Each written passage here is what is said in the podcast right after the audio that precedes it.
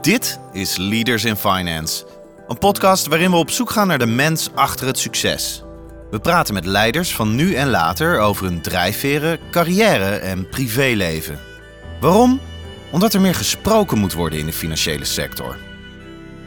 Onze gast deze week is meervoudig commissaris en een van de meest invloedrijke mensen van corporate Nederland. Zoveel commissariaten, nu en in het verleden. Hoe balanceer je dat in je hoofd? Ondanks dat ik heel erg hecht aan mensen en organisaties, op elk moment dat ik dan vervolgens een volgende stap neem, dat ik dan eigenlijk niet meer terugkijk. Dan is het ook klaar. En dat is natuurlijk altijd heel leuk om mensen weer te zien en te spreken. Maar dat is iets anders dan alleen nog maar terugkijken van had ik nog maar. Loslaten dus. Volgens onze gast een uitdaging en een onmisbare kwaliteit voor het vervullen van een toezichthoudende rol. Ben je net uit een executive rol gekomen en dan moet je leren op de handen te zitten. En jullie hebben het advies gehoord. Veel succes ermee en we horen terug. En heeft ze nog tips over het maken van carrière? Passie, zeg ik altijd. Je bent er goed in omdat je het leuk vindt. En omdat je het leuk vindt, word je er goed in. Onze gast deze week is Petri Hofstee.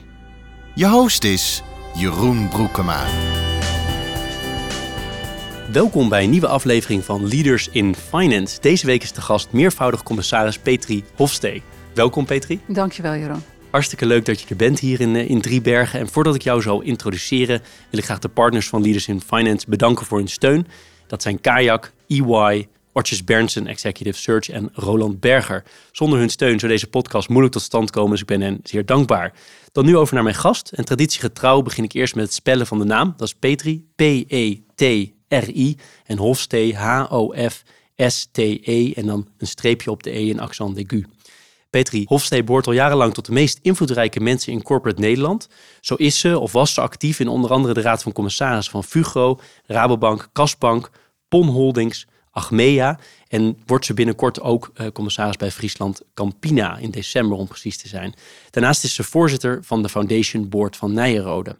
Haar brede scala aan ervaring in de financiële sector, toezicht, audit en consulting omvat onder andere de startersrol van assistent auditor tot all the way naar partner bij KPMG, deputy CFO van ABN AMRO Groep, division director banking supervision bij de Nederlandse Bank, CFRO bij APG en was ze CFO bij RBS. In 2019, 20 en 21 stond Petri op de nummer 1 in de top 100 commissarissen van Management Scope, ook nog als eerste vrouw op die positie. Petri is tot slot 62 jaar. Ze is getrouwd en heeft een volwassen dochter en woont in het Groene Hart hele mond vol van mijn kant. Maar hebben we al wel een beetje een beeld. Interessant genoeg hebben we echt maar een beetje een beeld. Want je hebt zo ongelooflijk veel dingen gedaan. En je doet ook nog steeds zoveel dingen dat het misschien wel goed is om eerst even te kijken naar welke dingen doe je op dit moment allemaal. Ja, allemaal. Ik kan heel slecht nee zeggen. Dat, uh, dat, uh, dus daardoor doe ik ook wel heel veel. Ik vind het ook heel erg leuk. Um, ja, wat doe ik op dit moment afgezien van uh, een werkweekje? En dat is meer dan een werkweekje vol aan commissariaten. Um, ik vind het ook altijd heel belangrijk om naast betaalde rollen um, ook mijn bijdrage te leveren in, uh, ja, in liefdewerk oud papier, in not for profit. En een aantal dingen waar ik ongelooflijk veel plezier aan heb en die ik doe, is voorzitter zijn van Vereniging Hendrik de Keizer. Ik heb ooit architect willen worden in mijn jeugdjaren. En alle zakelijke, zoals wij het noemen in het bestuur van Hendrik de Keizer, die blijken diezelfde droom te hebben gehad. En de zakelijke zijn dan de juridische mensen en de financiële mensen in het bestuur. En want daarnaast zitten in vereniging Hendrik de Keizer, die meer dan 400 monumenten beheert over heel Nederland. Dus een hele mooie beleggingsportefeuille heeft met, met prachtige woonhuismonumenten. Uh, er zitten daarnaast in het bestuur natuurlijk de architecten, exterieur, interieur, wetenschappers. Uh, heel boeiend bestuur waar we elke keer weer ja, helemaal blij zijn van wat voor moois en prachtigs waar Hendrik de Keizer mee bezig is. Wij langs krijgen en beslissingen over mogen nemen. Dat is een van de dingen. Daarnaast ben ik ook voorzitter recent van Stichting Capital. Um, Stichting Capital zit in de financiële sector, is uh, voortgekomen uit, uh, uit de beurs, beurs- en optiebeurs, en beheert een heel klein vermogentje, maar waaruit het rendement gebruikt wordt om ehm, aan educatie te doen. Dus onder meer een, um, beleggingseducatie voor middelbare scholieren. En scholenstrijd is een, een, een, een wedstrijd tussen schoolklassen van middelbare scholen om als beleggingsteams tegen elkaar te strijden. Dat is ook wat bekender. Maar dat zijn we aan het proberen om wat groter te krijgen. En daarnaast beheert de stichting het erfgoed van de beurs en is de stichting actief om de kapitaalmarkten in Nederland te helpen bevorderen. Nou, is ook leuk om daaraan mee te werken met een aantal mensen uit, uit de sector. En um, ja, daarnaast um, ook bij AFM, dat is ook heel erg boeiend. Vind ik altijd wel leuk om met mijn vak, met mijn eigen oorspronkelijke vak van accountant bezig te zijn. En uh, was dus heel blij dat ik gevraagd werd ruim een jaar geleden om lid te worden van de commissie uh, financiële verslaggeving en accountancy. Ik geloof dat dat voluit de term is. Maar dat is in ieder geval een adviescommissie die een paar keer per jaar bijeenkomt met, uh, met een AFM-bestuurder. Uh, en die. Ehm, en die praat over ja, thema's waar de AFM mee bezig is met onderzoek of in de voorbereiding van uh, toezichtactiviteiten. en waar ze dan Ehm, met een heel breed samengestelde, leuke groep van mensen, vind ik. Um, ja, vast eens even kunnen sparren en toetsen. Hoe, hoe valt dat? Wat vinden jullie ervan? Wat voor input en advies hebben jullie hierover? Nou ja, en dan natuurlijk uh, als, uh, als vrouw in de financiële sector. Um, ja, en ook vroeger als vrouw in accountancy en, en in een positie waarin ik eerste, enige of weinige was, vind ik het ook belangrijk om daar aan de, aan de ja, diversiteit, inclusiviteit in de sector bij te dragen. En dat doe ik dan uh, onder meer door lid te zijn van de adviesraad van WIFS en door. Uh, WIFS is Women in Financial Women Services. In Financial Services. Dat raakt dan Financial Services en verder de SER adviesraad, topvrouwen adviesraad.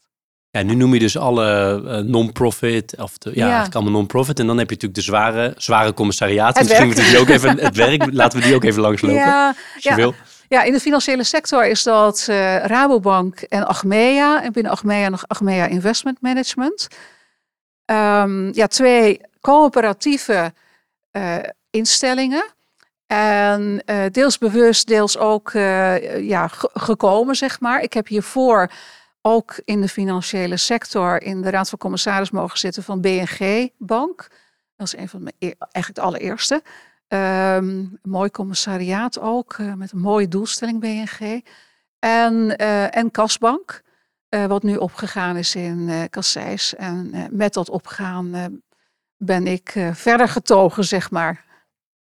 Ja, het is een heleboel. En ik heb allerlei uh, zijpaadjes die ik even met je wil bewandelen. In mijn voorbereiding had ik al staan van je wilde architect worden. Als je daar dan zit nu bij, dat, uh, bij die uh, stichting, denk je dan soms van, oh, zo jammer dat ik het toch niet gedaan heb? Nee, eigenlijk niet meer. Ik vind het heel erg leuk om ermee bezig te zijn. Ik heb ook een, een, een oud huis waar wij wonen, wat we, waar we 15 jaar verbouwd hebben. Dus dat vind ik allemaal hartstikke leuk. Maar ik ben ook wel heel erg um, ja, in de rollen gegroeid, in het vak gegroeid, zeg maar, waar ik mee begonnen ben, accountant. En vervolgens doorgegroeid in de, in de rollen in de financiële sector en rond de financiële tafel. En uh, ja, put daar absoluut mijn plezier uit. Nee, kijk, daar, dat is wel bijzonder. Ik, ik heb ook uh, heb ik ontdekt, ondanks dat ik heel erg hecht aan aan mensen en organisaties. Op elk moment dat ik dan vervolgens een volgende stap neem, valt me dan achteraf pas op dat ik dan eigenlijk niet meer terugkijk. Dan is het ook klaar. En dat is natuurlijk altijd heel leuk om uh, mensen weer te zien en te spreken en te horen hoe het met de organisaties gaat. Maar dat is iets anders van alsof je ja, dan alleen nog maar terugkijkt van had ik nog maar. Nee. Doe je er wel nog iets mee? Bijvoorbeeld in je, in je hobby of privé? Kijk nou ja, je ernaar? Dus, uh, nou ja, bijvoorbeeld dus inderdaad mijn eigen huis uh, verbouwen. Dat, en, en Hendrik de Keizer, ja, dat was, het was wel een reden toen ik gevraagd werd om te solliciteren uh, voor het bestuur van Hendrik de Keizer, of ik daar penningmeester wilde worden. Want ja, zo begin je natuurlijk als accountant overal. Uh, en dan ben ik er nu heel erg trots op dat ik er voorzitter mag zijn. Maar uh, toen ik gevraagd werd of ik uh, penningmeester wilde worden, was wel meteen zoiets van: ja, nee, dat is nou leuk. Want ja, dat spreekt dan natuurlijk meteen aan, o, juist omdat ik inderdaad iets heb met bouwen. Ja, want waarom is dat architect beeld of iets met bouwen hebben. Wat spreek je daarin aan, heel concreet? Nou, het is voortgekomen uit mijn jeugd. Mijn vader had een klein bouwbedrijf. Mijn broer heeft nog steeds, is nog steeds directeur van een bouwbedrijf. Uh, dus het komt uh, in die zin uit de, de familie voort. En het is waarmee ik opgegroeid ben. Uh, met een, een timmermanswerkplaats achter ons, ons huis. en je kan je ook voorstellen dat als je vader aannemer is, dat er dan ook regelmatig iets in huis gebeurt.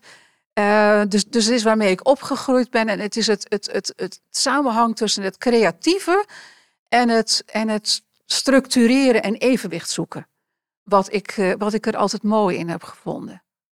Dat is interessant. Creatief en structureren. Is dat ook iets wat je nu nog steeds in je huidige werk ook doet als commissaris? Zit daar ook een creatief ja, element in? Absoluut. En een structureelement denk ik zeker. Maar... Ja, en het structurele, structureringselement zit hem natuurlijk heel erg in uh, waar mijn mijn achtergrond, mijn vak en daarmee dus ook de, de rol van voorzitter van auditcomité, die ik in heel veel van de raden van commissarissen waar ik zit en zat vervul.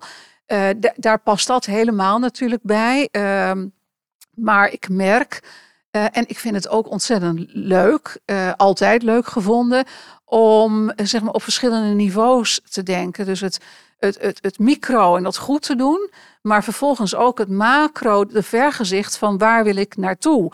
En, en, en dus structuren ook te zoeken vanuit het, het bedenken, het neerzetten, het met anderen samen ontwikkelen van een beeld, van een doelstelling, van een resultaat. Waar willen we naartoe? En dan uh, ja, vervolgens inderdaad de weg daar naartoe is dan uh, hard werken en structureren. En, uh, ja, want ik kan me ook voorstellen dat creatieve, dat als ik naar mezelf kijk, als je dan kom je ook, heb je ook snel ideeën hoe dingen zouden kunnen lopen. En als commissaris moet je denk ik ook wel oppassen met te veel nieuwe ideeën op tafel gooien. Of is dat niet waar? Of nieuwe oplossingen suggereren? Ja, kijk, als commissaris, als je, als je niet een visie hebt um, en dan niet in detail omkleed, maar als je niet als commissaris een visie durft te ontwikkelen over wat belangrijk is voor een bedrijf, dan vervul je je taak niet goed. Dus je moet een beeld vormen over waar staat dit bedrijf, waar staat die bank, waar staat die verzekeringsmaatschappij op dit moment. En waar zou die naartoe moeten groeien? Waar, zou, waar zouden we willen dat hij naartoe groeit? En daarmee dus ook de vragen die je wilt stellen aan het bestuur. Ik denk dat het bij uitstek ook de taak van de Raad van Commissarissen is om te helpen bewaken dat de balans tussen uh, korte termijn reactie en de, en de branden blussen. Uh, versus de lange termijn en de beelden van buiten ophalen, dat die goed is, dat die ook in het bestuur goed is. Um, en dat kan je niet doen zonder dat je daar zelf ook over nadenkt en met elkaar over spreekt, maar ook natuurlijk met het bestuur daarover spreekt. Makes sense. Ja ander zijpaadje van de dingen die je net allemaal, uh, allemaal noemde. Je zei de, de, coöperatieve, de coöperatieve kant hè, met Rouwbank, Remea, de, straks Friesland Campina.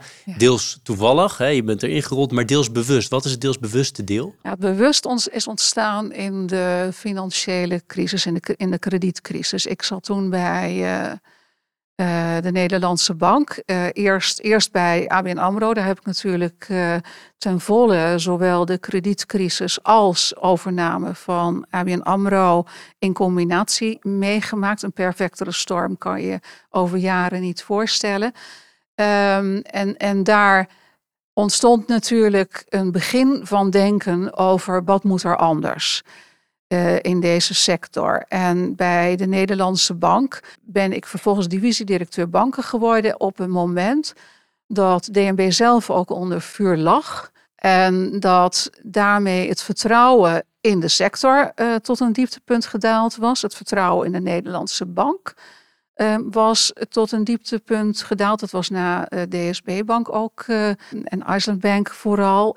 En dus ook het vertrouwen binnen in die bank. Uh, maar ook dus, maar dus in, aan alle kanten. Vertrouwen tot dieptepunten gedaald. Um, en, en eigenlijk uh, stond de directie met de divisiedirecteuren ervoor. Hoe gaan we hier, hoe gaan we het aanpakken?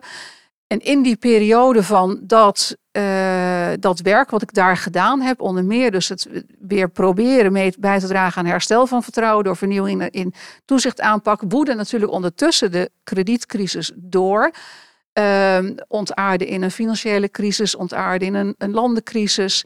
En met het denken over waar zou de sector naartoe gaan, vond ik het ook interessant en boeiend om uh, te zien waar en of en hoe een coöperatie anders is en andere keuzes maakt of kan maken dan de beursgenoteerde banken.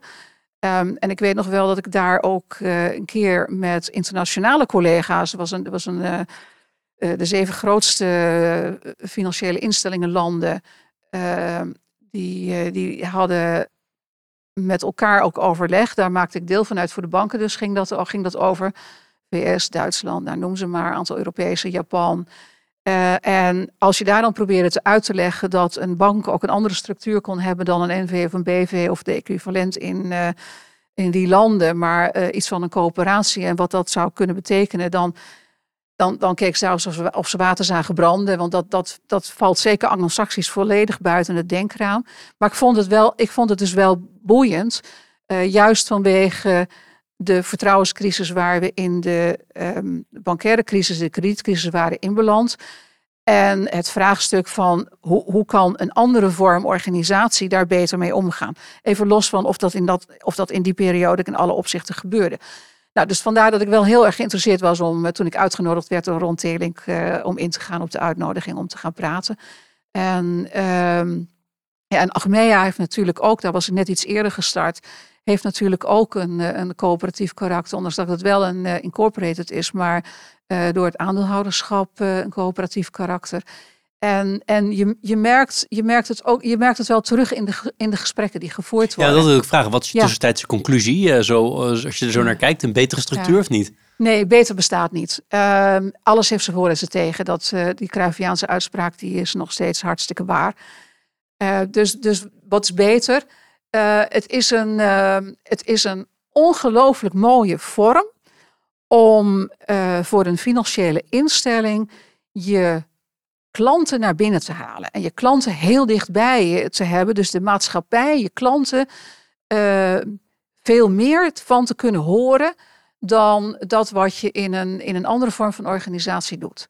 En schuurt het extra nu je steeds meer digitalisering krijgt in de overal, maar ook in de financiële sector? Ja, het schuurt in zoverre dat je andere vormen moet gaan, gaan vinden. Dus je moet digitale vormen vinden van die klanten, die leden dichtbij je houden. Um, en dat is waar uh, bijvoorbeeld Rabobank ook steeds naar op zoek is. Dat is waar ook Achmea probeert zijn vormen in te vinden. Um, en, en dat, um, ja, dat is ingewikkeld, maar niet onmogelijk. Uh, en, maar daarmee moet je dus in feite wel uh, coöperatie en wat, wat coöperatie is, weer heruitvinden. En ook weer eigenlijk weer teruggaan naar wat is coöperatie samenwerken. Dus hoe, hoe creëer je dan het samenwerken? Uh, en bij Achmea bijvoorbeeld gebeurt dat ook door uh, met, met ledengroepen uh, gesprekken aan te gaan en dilemma's voor te leggen. Um, bijvoorbeeld over moeten we in dit en dit soort vormen van schade ook daadwerkelijk overgaan tot uitkering of niet. En dan is het heel boeiend uh, als je dan terugkrijgt van de leden dat die eigenlijk soms misschien nog wel een beetje strenger zijn van zijn groep dan dat een Achmea zelf zou zijn. En het is in ieder geval goed om beelden uit te op te halen over hoe, denkt, hoe denken klanten, hoe denkt maatschappij over uh, de posities die we innemen.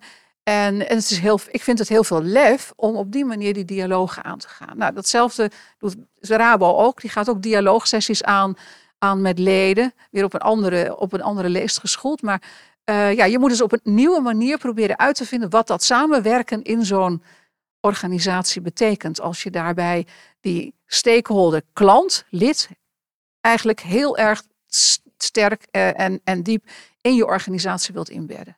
Ook een van de redenen waarom Friesland Campina het nu geworden is, is dat een hele logische link via de Rabobank en je bent erin gerold? Of zou je ook echt, heb je ook echt dit laten meespelen? Ik heb, uh, ik heb het vermoeden dat ik mede uitgenodigd ben, omdat ik natuurlijk al wat ervaring heb in coöperatief uh, Nederland. En Rabo natuurlijk ook uh, voet en agri wereldwijd als speerpunt heeft van, van activiteiten. Um, maar um, dat is voor mij niet de enige reden om, uh, om een Friesland Campina uh, te kiezen. En, en overigens is mijn ambitie niet om alleen maar coöperaties, uh, commissaris, bij alleen maar coöperaties commissaris te zijn, maar juist ook om een scala van bedrijven. Want inderdaad, zoals ik zei, um, er zijn heel veel voordelen. Maar er zijn natuurlijk ook nadelen. De, de, de natuurlijke marktwerking die je van een, een beursfonds krijgt, althans daar waar het het financiële betreft, uh, ja, die heb je anders of die heb je minder in een, in een coöperatievorm. Dit is Leaders in Finance met Jeroen Broekema. Twee andere dingen die me opvielen als ik zo in de voorbereiding naar de hele cv keek en erover las. Eentje is, je hebt natuurlijk uh, commissariaten bij hele internationale bedrijven, maar je hebt niet een echt buitenlandse RVC erbij zitten, volgens mij. Nee, of heb ik het mis? Nee, als, is dat, als deze een uitnodiging mag zijn voor mensen die nee, maar ik kan me voorstellen dat je ook wel eens dat je als je drie jaar op rij topcommissaris bent, dat dat ook in het buitenland opvalt. Eh, zeg je dat heb ik actief niet gedaan, want ik kan me niet voorstellen dat je er nooit voor gevraagd bent. Um, nou, ik heb wel wel een hele volle portefeuille. Dus in die zin is het beperkt wat er in de afgelopen jaren mogelijk was. Um, maar dat wil niet zeggen dat ik dat niet zou ambiëren. Ik, dat lijkt me inderdaad ook absoluut goed om. Uh, ja, dus ik hoop inderdaad dat mijn uh, toegevoegde waarde als commissaris ook nog uh, in een internationale onderneming. Maar ja, vaak zijn ze ook zwaarder. Hè? Als het een soort one-tier board zijn, dan kan het ook wel eens veel meer tijd nog gaan kosten. Of is dat niet waar? Dat vraag ik mij af. Okay. gezegd, als ik kijk naar de intensiteit van de commissariaten waar ik nu in zit, dan uh, financiële instelling is sowieso behoorlijk intens.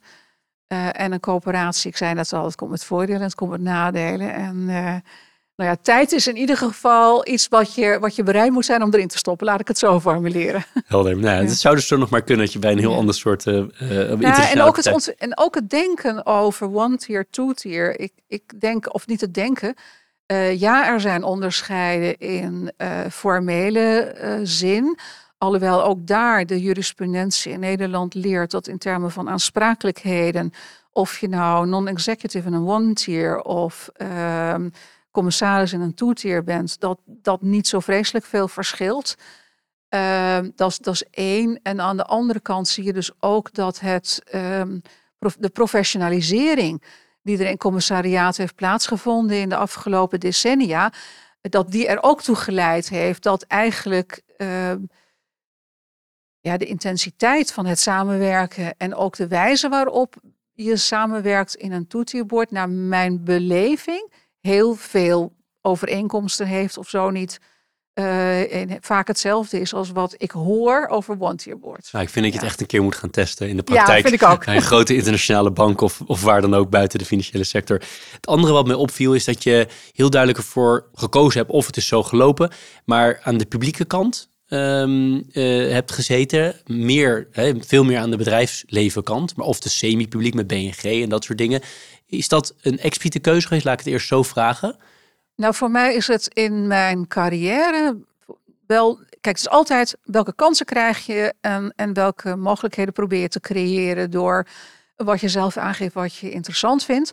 Dus in zoverre uh, was ik heel blij dat ik ook de kans geboden heb gekregen om uh, naar accountantskantoor, naar aan de andere kant van de financiële tafel CFO uh, rollen, zeg maar finance functierollen, ook aan de toezichthouderkant te zitten. Uh, dat is ook ja, publieke functie, zeer boeiend. En, en vond ik het en vind ik het ook inderdaad wat dat betreft mooi om in die commissariaten zo'nzelfde samenstel van ja, ook eigenlijk weer verschillende type bedrijven. Waarbij BNG natuurlijk met het aandeelhouderschap door staat en gemeenten ook weer een ander type bedrijf is dan een beursfonds als een Fugro en Kasbank was. Je hebt een heel mooie kijk op uh, heel veel verschillende bedrijven. Hè? Je hebt een achtergrond in de financiële sector, doet ook nog veel in de financiële sector, maar ook helemaal daarbuiten. Hè? Is er nou een groot verschil tussen die financiële sector en al die andere plekken waar je komt? Ja, er is natuurlijk één evident groot verschil en dat is de externe toezichthouder. Die je op veel andere plekken dan uh, in de financiële sector niet zo direct in de boardroom tegenkomt. Kijk, heel veel, je hebt natuurlijk heel veel regulering in allerlei vormen en soorten die ook voor andere bedrijven gelden.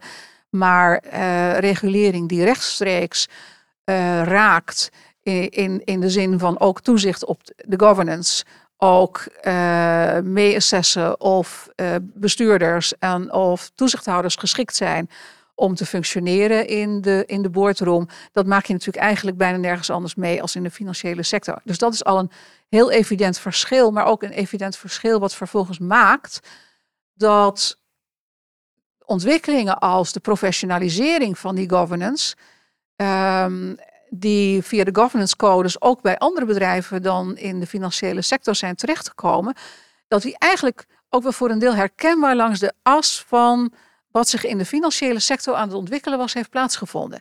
Dus eigenlijk in die zin dat in, informele, in governance zin, in, in hoe doen we dat en hoe kunnen we dat het beste doen, dat de financiële sector daar toch ook wel een soort van leidende rol heeft gespeeld.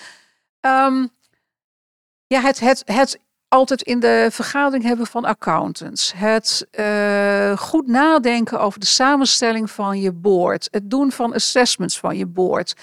Um, uh, al, al die aspecten zie je dat die met een, heb ik gezien, met een stukje vertraging ook tot professionaliseringsslag in de niet-financiële sector hebben geleid. En dat eigenlijk de governance code heel veel, uh, dus de governance codes, de, de eerste ook heel veel hebben gekeken naar wat er bij regulators, bij de, bij de regulators in de financiële sector al uh, was uh, ontwikkeld.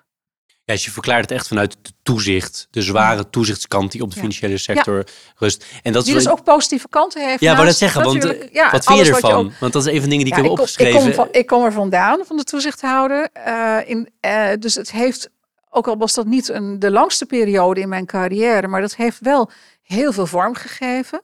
Ik heb daar ongelooflijk veel geleerd en, en heel veel mooie dingen mogen doen. Uh, en je leert er ongelooflijk veel van, ook omdat dat zo'n professionele organisatie is. Uh, maar ook geleerd, uh, en daarna ook geleerd inderdaad wat de positieve kant is en hoe, hoe goed of het is dat er toezicht is.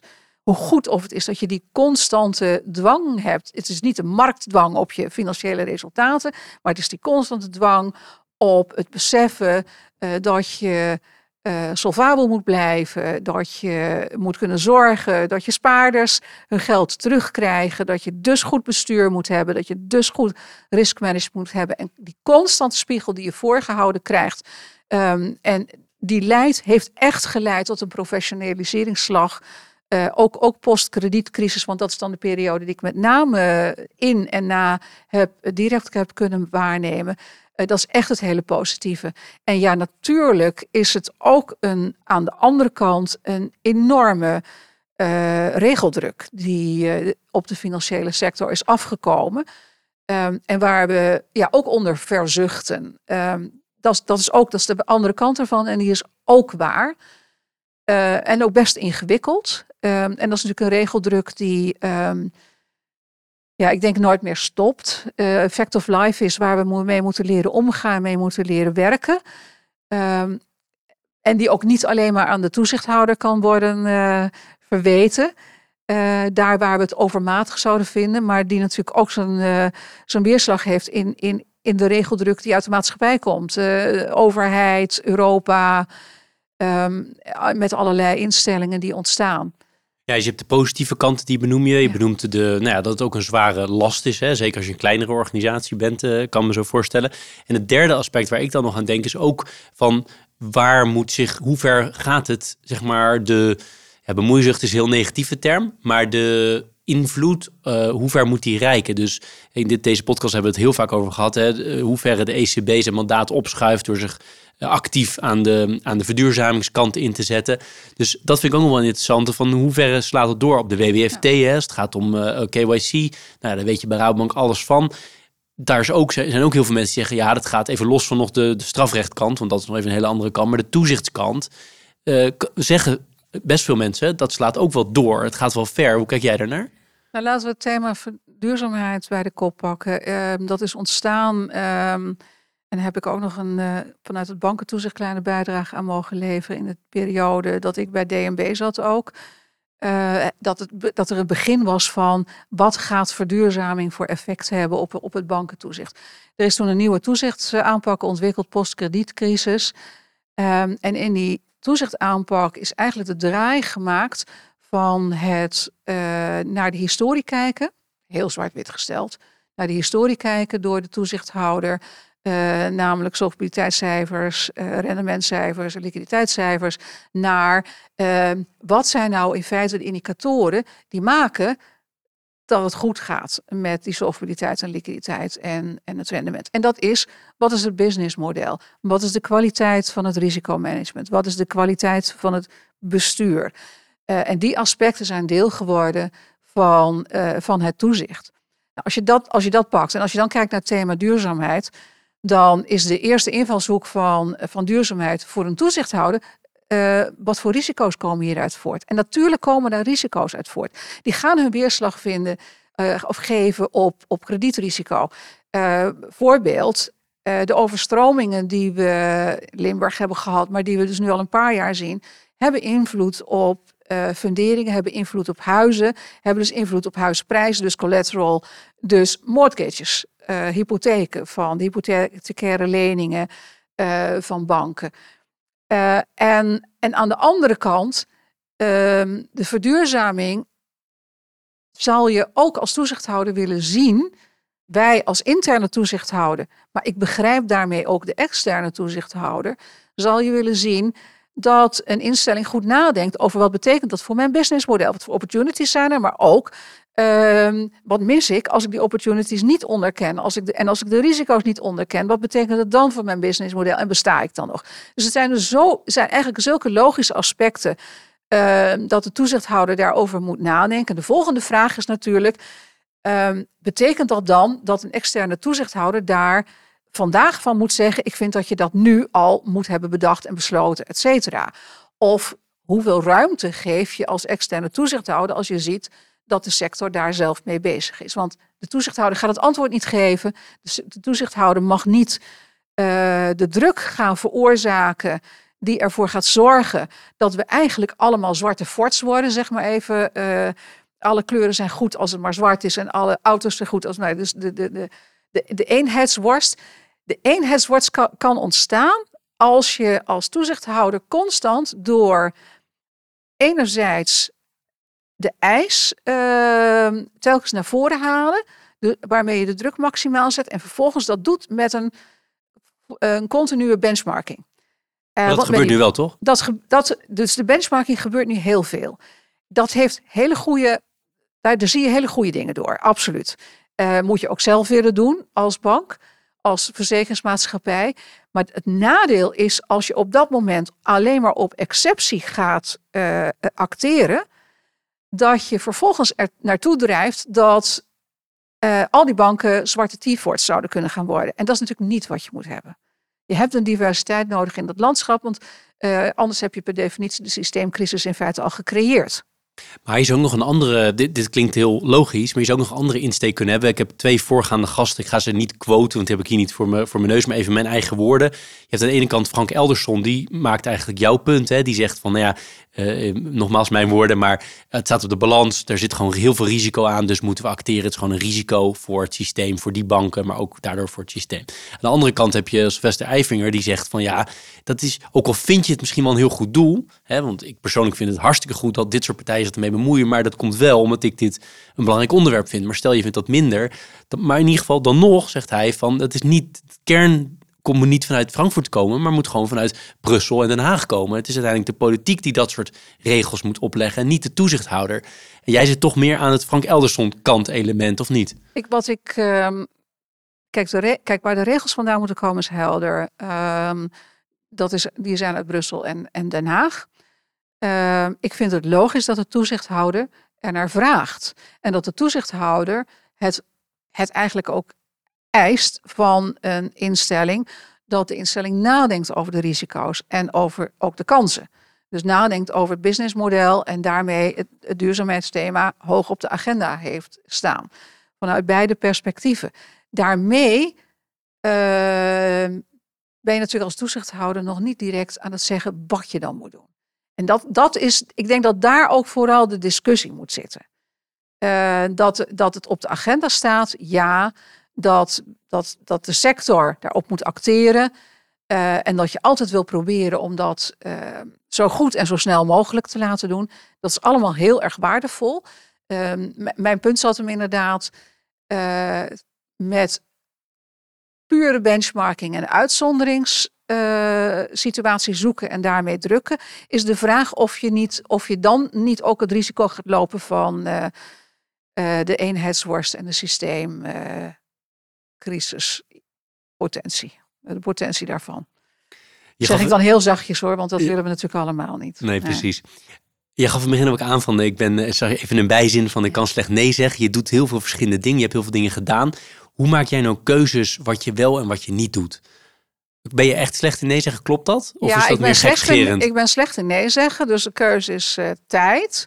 De keuze is natuurlijk ook, uh, ook interesse. Dus ik, heb, ik probeer ook wel voor mezelf te formuleren.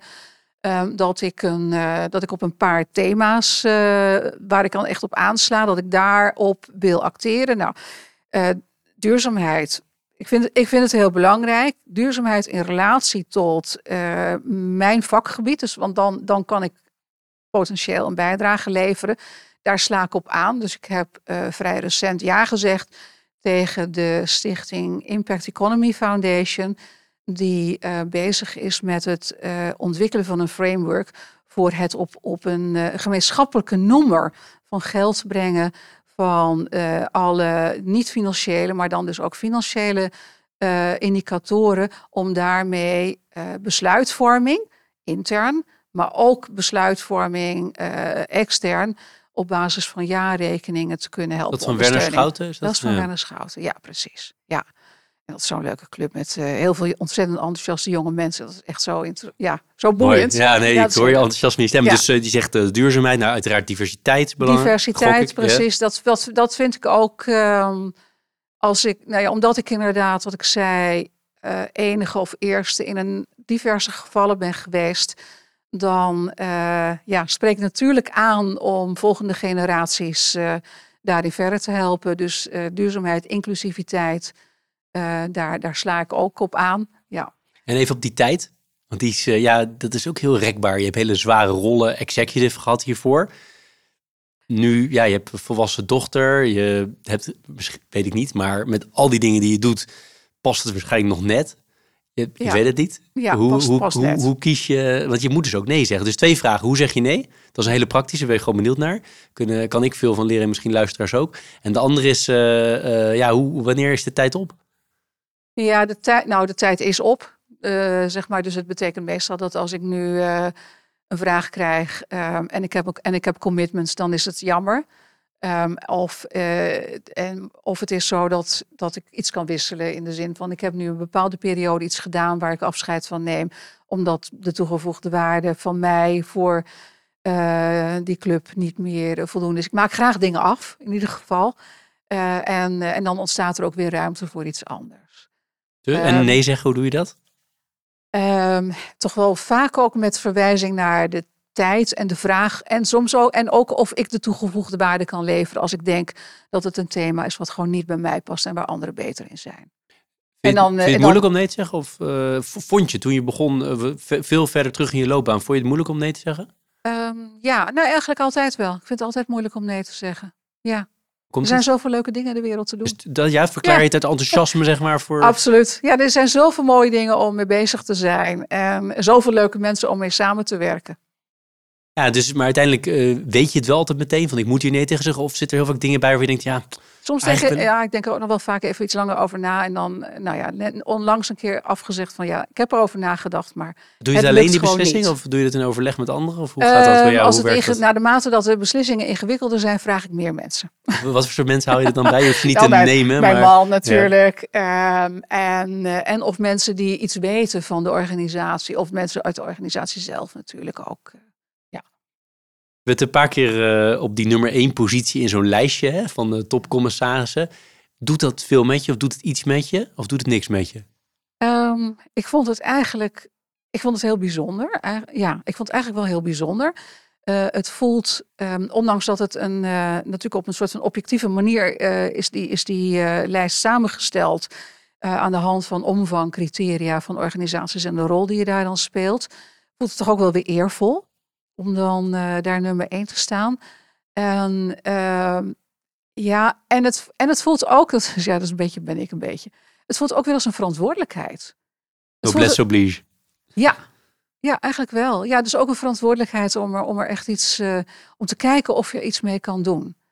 Nou vind ik dat wel ingewikkeld als commissaris, omdat je als commissaris niet zo. eh, je opereert in feite achter de schermen. Als het goed doet, opereer je achter de schermen. Opereer je als eh, support en steun voor een bestuur wat je in place hebt gezet. En opereer je niet op de voorgrond. En dus dat past, dus ook bij die rol past niet.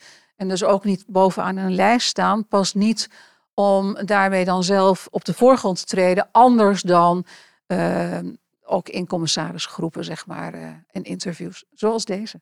Ja, mooi. Heb je het gevoel dat je veel invloed hebt? Heb ik. Nee, niet het gevoel dat ik veel invloed heb. Ik eh, heb wel het gevoel dat ehm, ik samen met andere mensen op, eh, op verschillende momenten in eh, mijn carrière. ja, ook, ja, verschil maken is verschil maken, invloed hebben is invloed hebben. Ja, je merkt, ik, ik aarzel dan wat. En dat is toch een beetje van. Ik hou niet zo van op de borst kloppen. Nee, ik heb expres het woord macht niet gebruikt. En dan was je helemaal wat je nee gezegd. Dus ik denk gebruik het woord invloed. heb ik, heb geen macht. Eh, je probeert door, door wat je mee hebt, door wat ik mee heb genomen in mijn leven, wat ik geleerd heb, eh, heb, heb ik denk ik hier en daar wat gezag ontwikkeld, waarmee je dan samen in zo'n raad van commissarissen bijvoorbeeld, of in een bestuur, eh, en als voorzitter moet je dat soms nog meer doen. Ehm, waarmee je dan inderdaad de invloed uitoefent om een organisatie de goede kant op te brengen. En dat lukt soms meer en soms, soms minder. Ehm, en dat is elke keer ook wel weer, ja, echt ook dat overleg met andere mensen. Dus dat vind ik ook wel het mooie aan een raad van commissarissen. En ook voorzitter zijn nu van, eh, van een aantal besturen. Wat, wat in die gevallen eigenlijk ook gewoon de toezichtfunctie is op een eh, uitvoerende organisatie. Dat ehm, je staat er niet alleen voor, staat niemand, hoeft niemand. Ehm, en het is ook telkens inderdaad dat, dat, dat overleg met anderen zoeken en kiezen om, om daarin eh, tot besluiten te komen wat het, eh, wat het maakt dat het krachtiger wordt en dat het uiteindelijk dus ook meer invloed heeft. En bovendien heb ik er dan meer plezier in. Je luistert naar Leaders in Finance met Jeroen Broekema. Het zijn van commissarissen lijkt mij ook echt een vak op zich. Hè? Het is een, een, een rol, misschien wel een craft zelfs. Dat betekent dat je het moet leren. Als je je eerste commissariaten nu vergelijkt met wat je vandaag de dag doet, heb je het gevoel dat je heel erg gegroeid bent in die rol. En Absoluut. wat zijn dan dingen waarvan je zegt, ja, dat zijn, dat zie ik bij mezelf of bij anderen, maar dat is echt als je voor het eerst in een toezichthoudende rol zit, zijn echt dingetjes die, je, ja, dat moet je gewoon, kan je alleen maar meekrijgen door het te doen. Ja, nou als je de eerste, de eerste rol, eh, dan begint het altijd, ben je net uit, ik ook, net uit een executive rol gekomen. En dan moet je leren op de handen te zitten.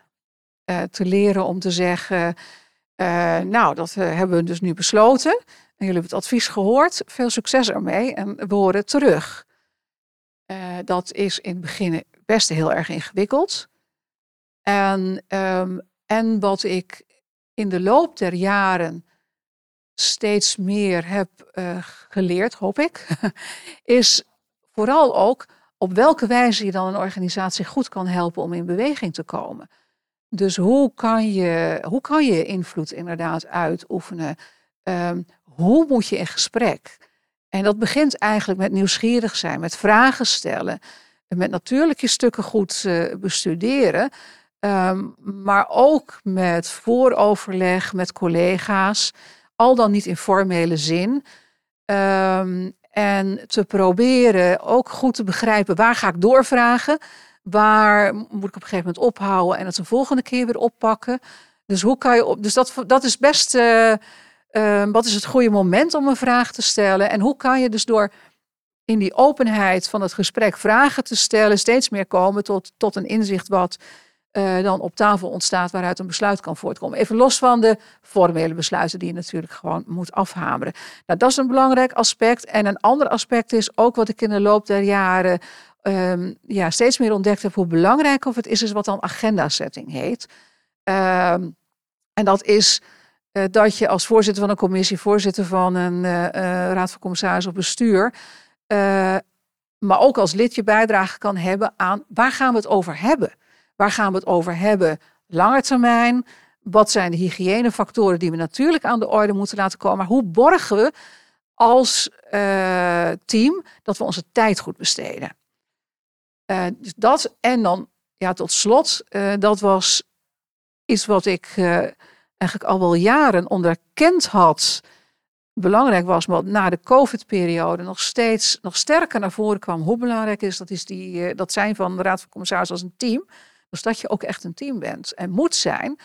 En dus Eh, moet in- investeren. en daar dus in moet investeren. Je moet dus ook eens een Ja. borrel drinken of samen een activiteit doen. Of in ieder geval ook over andere dingen praten dan alleen maar wat daar bij dat bedrijf aan de hand is. Absoluut. En je moet elkaar dat kost ook veel tijd. Dat kost ook tijd en je moet elkaar begrijpen. Dus je moet ook begrijpen waar iemand vandaan komt. Eh, drijfveren, wat iemand verder doet. Om te Kan je dat nou waar... eigenlijk naast een executive rol, zou je dat kunnen doen? Want jij doet het echt als fulltime commissaris. Ja. Maar kan dat soms dan, ja, het is nu ook veel in de media met specifieke CEO's, maar kan je dat nou naast een executive rol eigenlijk wel goed doen? Je, ben- als je dit soort tijd erin moet steken, dan kan het toch bijna niet Ik qua ben focus. aarzelend om eh, volmondig te zeggen, ja, dat kan allemaal. Ik ben voor eh, bestuurders die één, één commissariaat bijvoorbeeld ernaast Ja, doen. maar sommigen hebben er vier, om- vijf. En dan vraag ik mij af of dat kan werken. Ja, en waar dan je, waar dan je aandacht ligt. En eh, Nou ja, het hangt ook heel erg vanaf erbij- of je waar, waar jouw eigen organisatie op dat moment zich bevindt. Vindt die in, in een zware transitie of niet? Maar ook, dat weet ik van heel veel commissarissen die ik aan tafel heb gehad. Het kan van de ene op de andere dag een echte non-non-executive zijn tot bijna semi-executive. Omdat er gewoon iets groots gebeurt. Hè, stel je zit als commissaris bij Philips en nou, het gaat allemaal, er gebeurt wel wat. En dan opeens krijg je deze affaire eroverheen. Bam, ben je non-stop aan het vergaderen. En dan wordt het opeens een heel ander so- soort commissariaat qua tijdsinvestering. ja, vertel mij een organisatie waarin de afgelopen tien jaar niet eh, diverse keren Nee. iets eh, bijzonders aan de En iedereen moet transities door op dit moment. Exact. noemde maar, je kan zo tien transities bedenken waar een bedrijf doorheen moet. Maar laat staan als er echt een crisis ontstaat. Ja, nee, precies. En overal zijn crisissen. Ja. Meer, meer of mindere mate. Maar ik heb geen, eh, geen enkel commissariaat nu of in, in het verleden gehad. Waar ik niet periode heb gehad waarbij we avond of ochtenden extra vergaderingen eh, hebben gehad voor een bepaalde periode. En dan vervolgens weer. eh, ja. Als we even helemaal ehm, even een hard turn, ma- turn maken in dit gesprek naar jouw, jouw jeugd. Je hebt er al één ding over gezegd, namelijk de, de ondernemerskant, de het bouwbedrijf. Wil je ons misschien meenemen in hoe je bent opgegroeid en waar? En ook misschien iets over wat belangrijk was bij jullie thuis.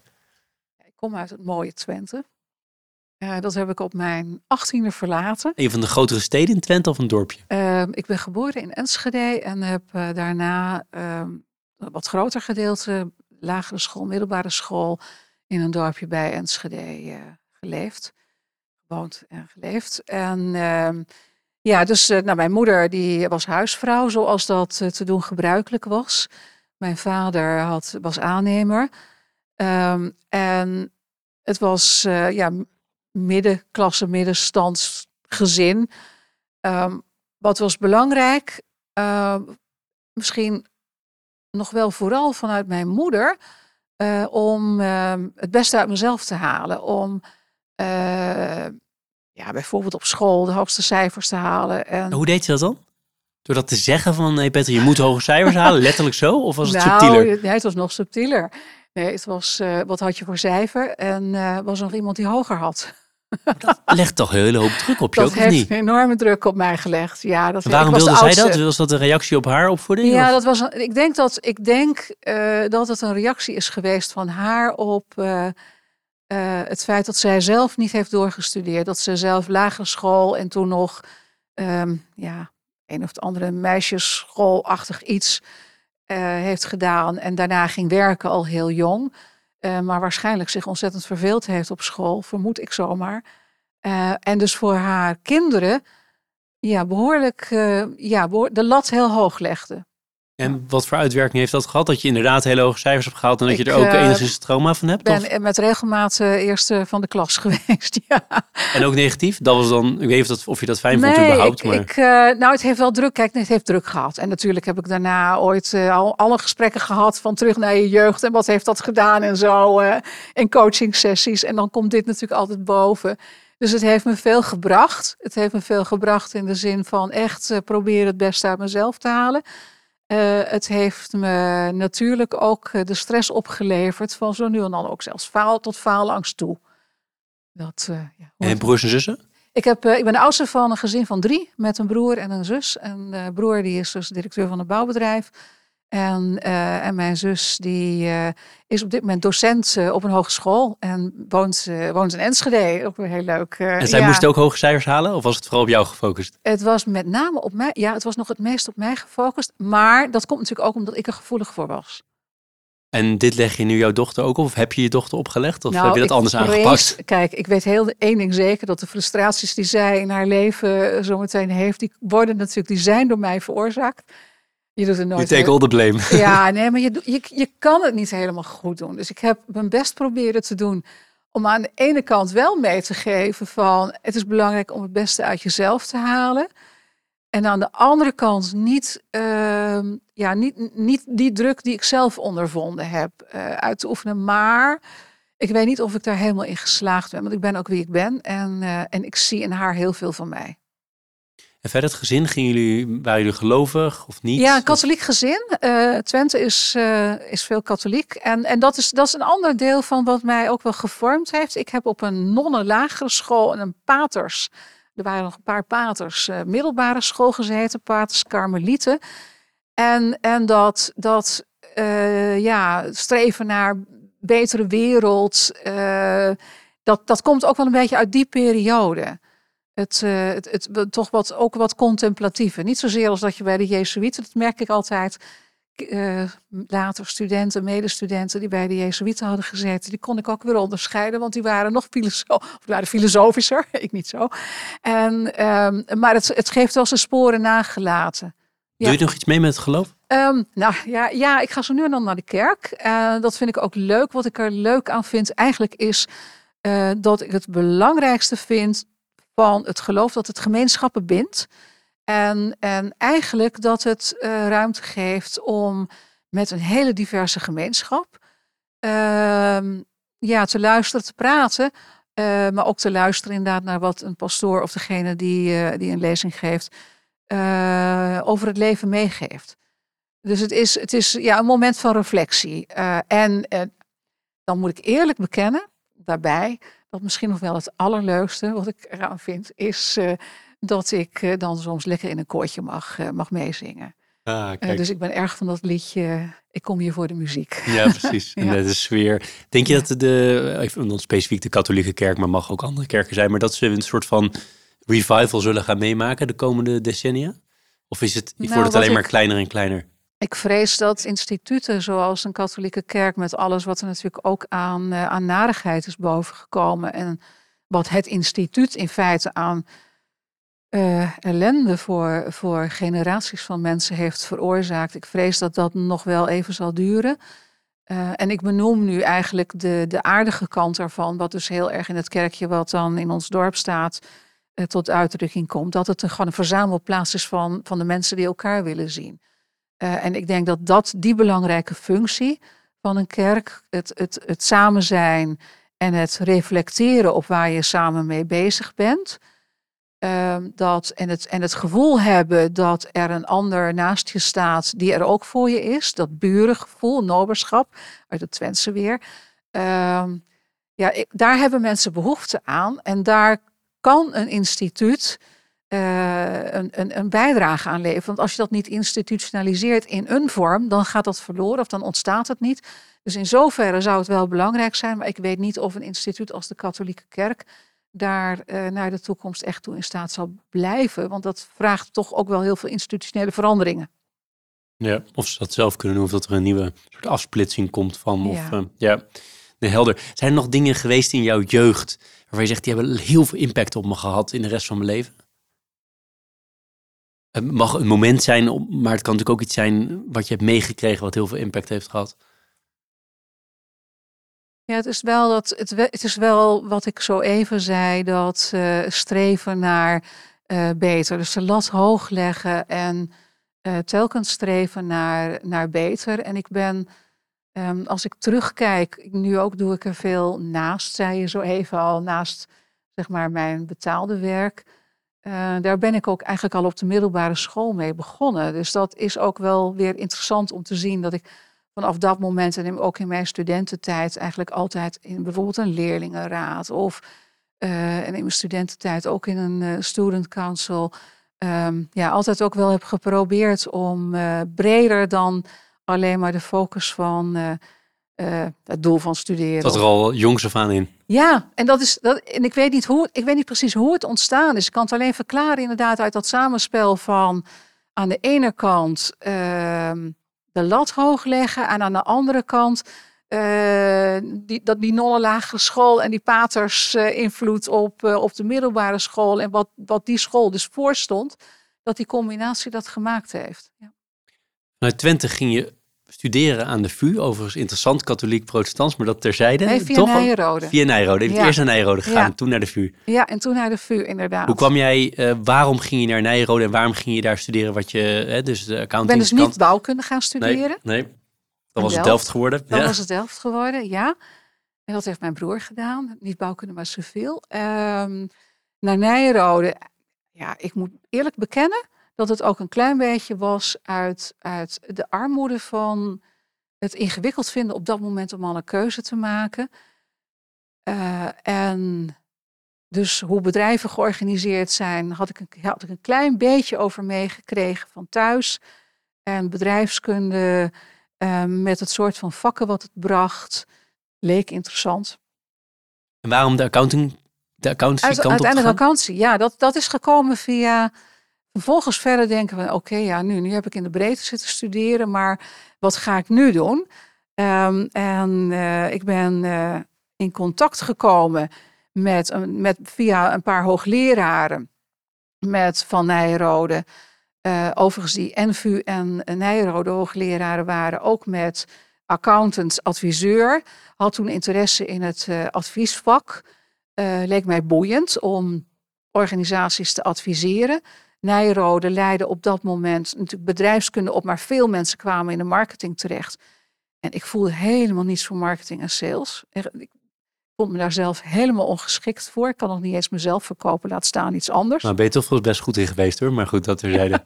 Dankjewel. Zie ik als een groot compliment. Um, en dus, uh, dus advies uh, leek mij boeiend. En, um, uh, en ben toen in gesprek geraakt met een oud partner, nu inmiddels oud partner van toen van Dien, nu PwC die, uh, die aangaf, als je adviseur wil worden, moet je echt gewoon een vak leren. Uh, ga eens nadenken over accountancy. Dat is wat ik zelf heb gedaan. Uh, en ik had een aantal uh, hoogleraren op Nijrode in dat vak accountancy, die ik heel interessant en goed vond. En dan gaat zo'n vakje ook interesseren, dat gaat leven.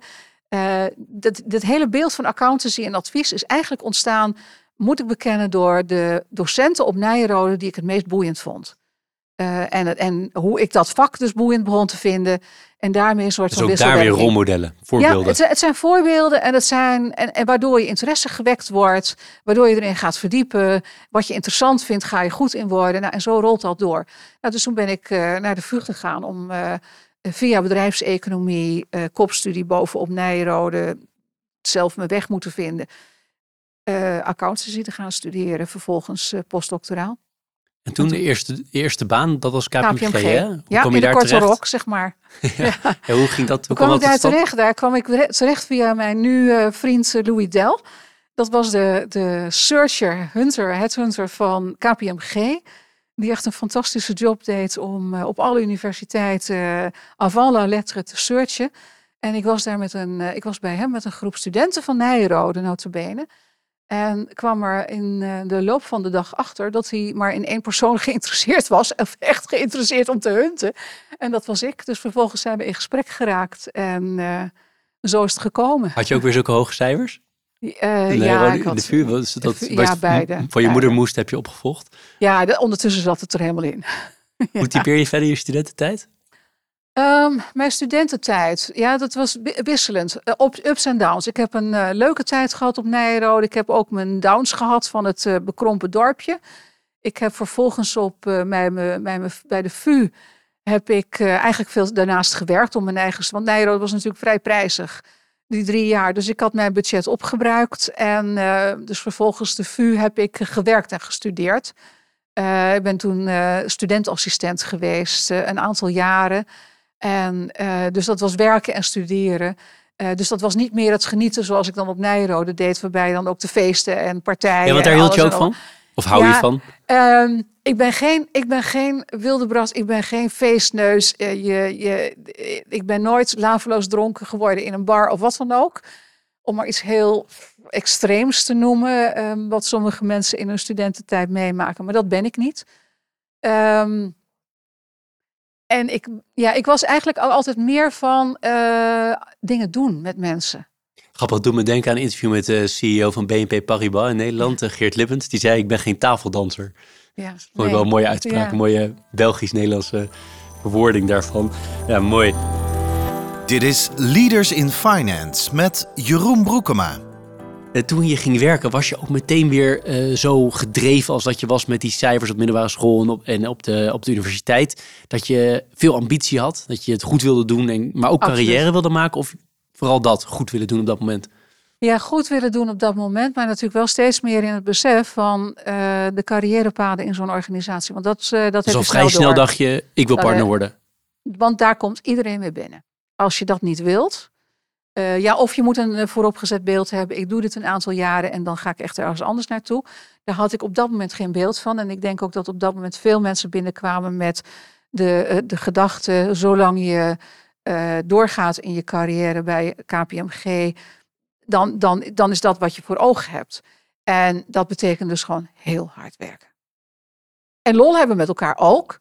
Eh, dus Ook vrienden maken op je werk of Ja, dat niet? ook. Dat was het er wel gescheiden? Nee, dat hoort er ook bij. Nee, want het is ook, ja, het is natuurlijk zo intensief. Eh, dus het is ook s'avonds doorwerken en dan met elkaar eten. En ehm, ja, en dat is dus ook de lol gecombineerd met, met het harde werken. Eh, dus het waren ja, geconcentreerde jaren van, van heel hard werken. En hoeveel jaar was je partner? Ehm, tien jaar of zo. Dat is snel toch, of niet? Ja, redelijk. Ja, Ja. redelijk. Hoe lang ja. ben je partner geweest? Eh, vijf, was dat nou vijf? Nee, dat moet langer zijn geweest. Even kijken, ik heb een periode in Londen gewerkt en ik heb een periode ben ik partner geweest. En totaal heb ik eh, nog net geen twintig jaar volgemaakt bij KPMG. Ja. Waarom ging je weg? Ik wa- kwam terug op een gegeven moment uit Londen. Daar was ik deel van de ehm, IFRS-groep, heette dat toen, International Financial Reporting Standards. Dus wij verkondigden, dat was in de periode dat IFRS in Europa werd uitgerold voor alle bedrijven. En eh, wij verkondigden dus met die IFRS-groep van een man of pak weer 20, drie partners waren we. eh, het woord over de wereld. Eh, wij waren verantwoordelijk voor advisering, wij deden trainingen, wij hebben een, een methodiek ontwikkeld om eh, de advisering over hoe implementeer je IFRS-standaarden in bedrijven. Eh, heel erg leuk dus. Ehm, en daar kwam ik terug naar Nederland. Dat was toen ik zwanger was. Eh, en toen ben ik teruggekomen naar Nederland. En ben toen weer opnieuw bij KPMG begonnen. Begon toen opnieuw een portefeuille op te bouwen.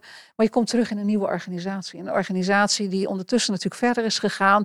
Jij komt nieuw binnen, je bouwt weer een nieuwe portefeuille op. Dat ging op zich uitstekend en leuk. Ehm, maar je, ik merkte dat ik toch iets losser begon te staan van de organisatie.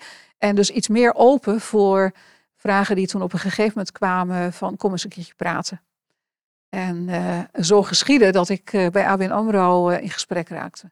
Jij behoort denk ik ook tot eigenlijk volgens mij elke CEO of, hè, die, of andere eh, functieprofielen die er geweest zijn. Die zeggen, ja, er is niet heel veel gepland aan mijn carrière. Nee, er is Behalve heel het, het streven aan het begin om partner te worden. Dat was wel duidelijk. Daar kon je wel wat stapjes voor zetten om dat te behalen. Ja. Maar best veel toevalligheid ook. Ook je studiekeuze. Absoluut veel toevalligheid. En, en ja, als je mij ook vraagt van wat, wat maakt je carrière eh passie, zeg ik altijd. Wat je doet als je het leuk vindt. Waar, je bent er goed in omdat je het leuk vindt. En omdat je het leuk vindt, word je er goed in.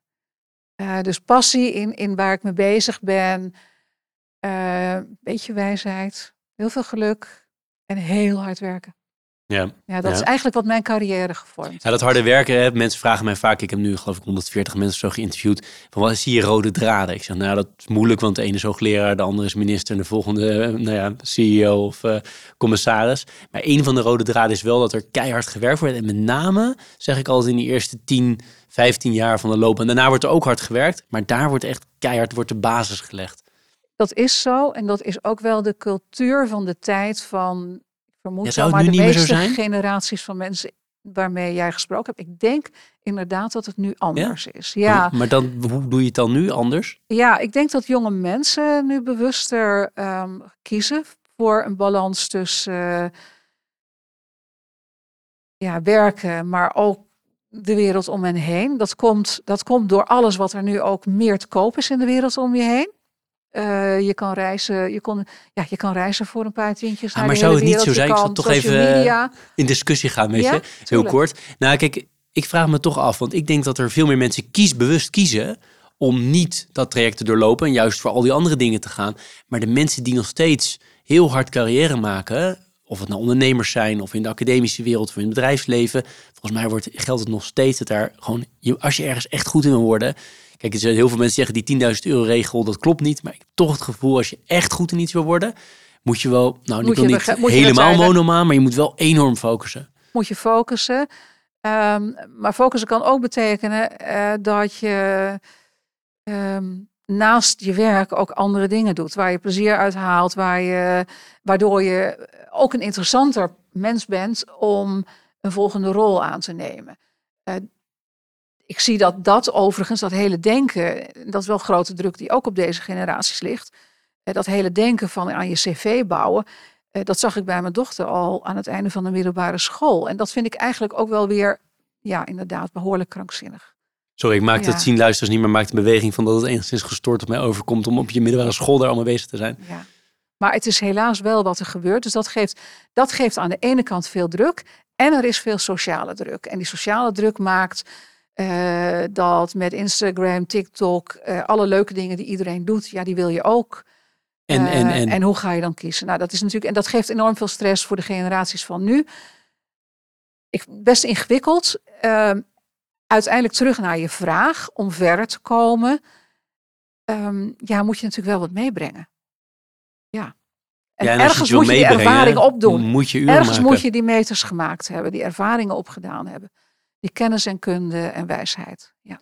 Ja, ik denk toch dat, net zoals met je rijbewijs halen, je kan het ook niet in één keer. Je moet toch oefenen. En nee. de een zal misschien wat meer moeten oefenen dan de ander. En je hebt wel verschillen. Maar ik nee, denk maar als, toch, je niet geoefend hebt, als je niet geoefend hebt, urenpunt dan, uh, blijft denk ik toch belangrijk. Ik denk niet, ik denk dat het wel anders vormgegeven wordt. Zeker ook nu in gezinnen, hè, waar natuurlijk steeds meer verdeeld wordt tussen mannen en vrouwen dan, dan vroeger. Dus zal, kan het ook gewoon niet anders. Misschien wordt er soms wel iets minder uur ingestoken. Dat zou kunnen. Het gewoon niet anders kan. Maar echt ergens goed in worden, ik denk dat je toch vrij uh, gefocust moet zijn. Maar goed. We um, zien het aan onszelf. ja. Um, teaser en pleaser doen we altijd op 90% van het interview. We zijn al best wel een tijdje aan het praten, maar het is ontzettend boeiend wat je allemaal vertelt. Um, aan de, de pleasende kant is altijd dezelfde, dat is de boeken. Dat, uh, dat weet je, want ik was verheugd om te vernemen dat je al wat geluisterd hebt van Leaders in Finance. Aan de teasende kant, ik heb er twee, maar ik kies er altijd één. Ik kan ze ook allebei doen. De, de, eerste die ik heb opgeschreven is: er wordt te veel naar het bedrijfsleven gekeken op dit moment. Als het gaat om het oplossen van maatschappelijke vraagstukken, milieuvraagstukken, et cetera. Het is goed dat er zoveel naar het bedrijfsleven wordt gekeken, maar uiteindelijk moet dat primaat toch bij de politiek liggen. En met andere woorden, er wordt te veel druk nu op het bedrijfsleven gelegd. Ja, nee, ik zie je geen antwoord op.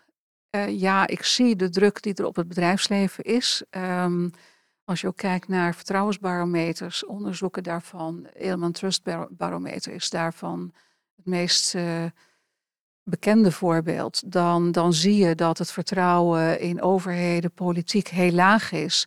En het vertrouwen, volgens mij in bedrijfsleven, ook niet heel hoog. Alles waar vertrouwen in is, is eigenlijk wat heel erg nabij is. Maar bedrijfsleven is dan relatief nog wat hoger.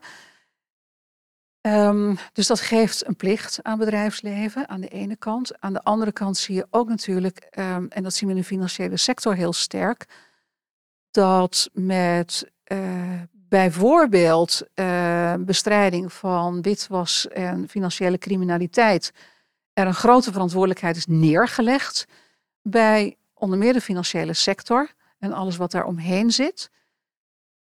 Waarmee dus ook ja, in feite de verwachtingen daar heel hoog gespannen zijn. Um, maar ook um, met wat mij betreft een briljante Green Deal. Uh, wederom heel hoog gespannen verwachtingen neergelegd bij, bij het bedrijfsleven, ook bij de financiële sector. En ik denk met name nog eens een keer bij de financiële sector, omdat als je naar de keten kijkt bij de financiële sector, dan uh, omvat die eigenlijk zoveel andere maatschappelijke sectoren, zoveel andere economische sectoren dat uh, de, de, het, span, het, ja, het, de span of control uh, daar misschien wel weer groter is dan bij welk ander bedrijf dan ook. Maar daarmee dus ook de verantwoordelijkheid om zo meteen te gaan rapporteren over niet-financiële doelstellingen, over duurzaamheidsdoelstellingen, over onze Road to Paris um, impact. Um, dat het ook een hele hoge verwachting neerlegt over wat je daar dan wel en niet in kan doen als, als financiële instelling. En ik, ik hoop oprecht um, dat, dat, dat de financiële wereld dat waar kan maken. Waarom? Omdat ik hoop dat dat wat er nodig is voor de wereld, dat we dat met z'n allen kunnen gaan bereiken. Maar je hoort de financiële wereld nu wel heel veel zeggen, geef mij nog meer kader, nog meer duidelijkheid, ook naar de lange termijn toe. Dat is wat nu de kritiek is, van we moeten het wel samen doen. Ja, en dat is natuurlijk nodig. Uh, ook altijd heeft dat een aspect van, wees je bewust van waar je om vraagt. Uh, ik hoor heel vaak, geef mij meer regels. En op het moment dat je meer regels krijgt, dan is dat natuurlijk ook niet wat je gewenst had. Uh, dus ik ben heel erg voor uh, proberen ja-kaders. En ja-kaders moet een overheid scheppen. Uh, maar wel ook voor het gesprek. En dus ook het, het op het goede moment proberen om invloed uit te oefenen op waar die kaders dan naartoe gaan, zodanig dat het ook uitvoerbaar werkbaar is. Ehm, lukt niet altijd, maar is denk ik wel een belangrijke inzet. Uh, dus dus daar, ook daar heeft het bedrijfsleven wel een rol. En ja, daarom vind ik het ingewikkeld om te zeggen wie, wie is het belang, ja, wel, wie, hoezo, wie is belangrijk. Kijk, overheid geeft, maakt wet. Bedrijfsleven maakt geen wet. Een toezichthouder, externe toezichthouder, ECB, DNB, um, houdt toezicht op basis van een wettelijk kader.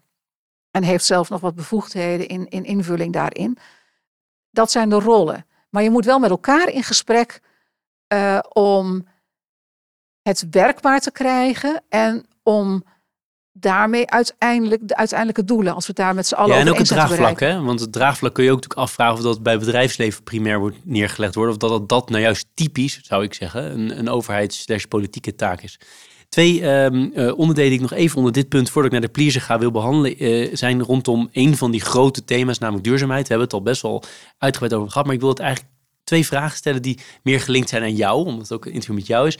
De eerste is, wat mij heel erg opvalt, dus je bent misschien, zit misschien niet bij de, de shells uh, van deze wereld, maar je zit wel bij bedrijven, ook een aantal, die uh, in die duurzaamheidshoek, uh, dat er veel over gevonden wordt. Rabobank, Fugro, Friesland Campina, alle drie. Om, ik denk dat iedereen zelf kan invullen wat daar mogelijk in strijd kan zijn met duurzaamheid. Um, is het toevallig dat jij duurzaamheid zo belangrijk vindt en bij deze bedrijven zit? Of niet? Ik ga een uitdaging niet uit de weg. Wat me bij Rabo destijds aansprak, is wel, uh, zoals we zo even ook al over hadden, dat, dat Rabo als organisatie in beginsel al in gesprek is met heel veel stakeholders. En dat daarmee, um, en die strategie is gevormd uh, met Wiebe aan de leiding van de managing board en met heel fijn, ik al in de Raad van Commissarissen, een strategie gericht op de transformatie. De financiële sector is natuurlijk primair bedoeld voor transformatie, als transformatiefunctie, spaargeld uh, transformeren naar economische activiteit. Maar nu ook daarop aangevuld, die mooie transformatiefunctie om uh, de verduurzaming van de wereld verder te brengen. En wat dan voor mij heel belangrijk is in de gesprekken die ik aanging, hetzelfde geldt voor een Friesland Campina, is um, hoe wordt er in het bedrijf nagedacht over, over uh, de uitdagingen waar we voor staan op het gebied van duurzaamheid. En hoe open staat het bedrijf, het bestuur en ook de raad van commissarissen? Snelheid, van hoe gaat het snel genoeg? Want dat is ook een vraag die ik dan nieuwsgierig naar ben. Is kan het voor jou ook zo langzaam gaan, de veranderingen, dat je zegt, nou, ik wil eigenlijk hier niet meer bij betrokken zijn, omdat duurzaamheid zo belangrijk voor me is?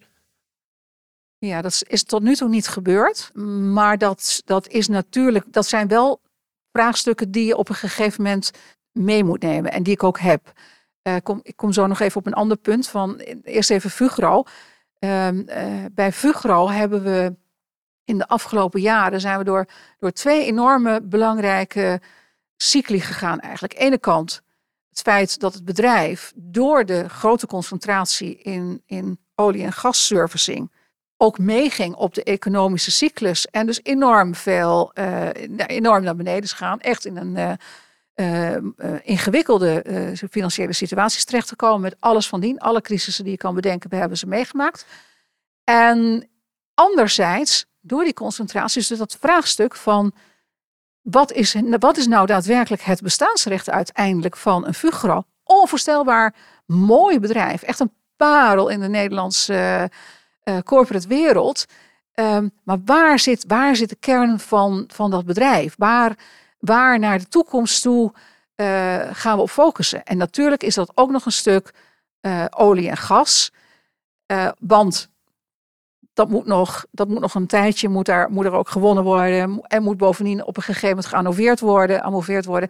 En, en maar omgekeerd, uh, Fugro zie je dus nu steeds meer, is een onvoorstelbaar mooie rol aan het spelen in enerzijds de duurzame energie, windparken um, en, en alles wat in, de, in die verduurzaming speelt, maar anderzijds ook preventie, uh, dijken, bescherming van uh, steden en, en landen uh, tegen alles wat de klimaatverandering doet. Um, en dus ik ben heel erg blij hoe dat bedrijf zich heeft ontwikkeld en uh, heel erg blij dat ik daar een bijdrage aan heb mogen leveren. Nou, dan terug naar jouw vraag over. En hoe zit dat nou met uh, uh, het moment waarop je dan zegt: van ja, maar wacht even, nu, nu, nu wordt het voor mij te ingewikkeld. Ehm, ik ben nog niet gelukkig in die omstandigheid geweest als commissaris om me die vraag te hoeven stellen.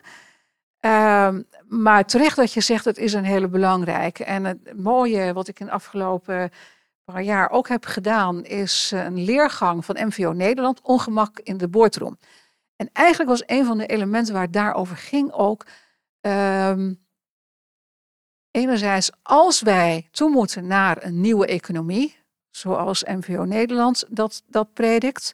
Dus als wij toe moeten naar een, een, een economie waarin uh, niet alleen maar de financiële waarden, maar duurzaamheidswaarden uh, kern zijn van uh, wat de waardetoevoeging van bedrijven zijn. En daar moeten we naartoe. Um, hoe ga je dat dan in de boardroom helpen creëren? Hoe ga je dan je besluiten nemen? En dan niet hoe ga je besluiten nemen? Dat is dan die Impact Economy Foundation in de zin van hoe kan je uh, de informatie van je beslissingen op een goede manier bij elkaar krijgen en wegen.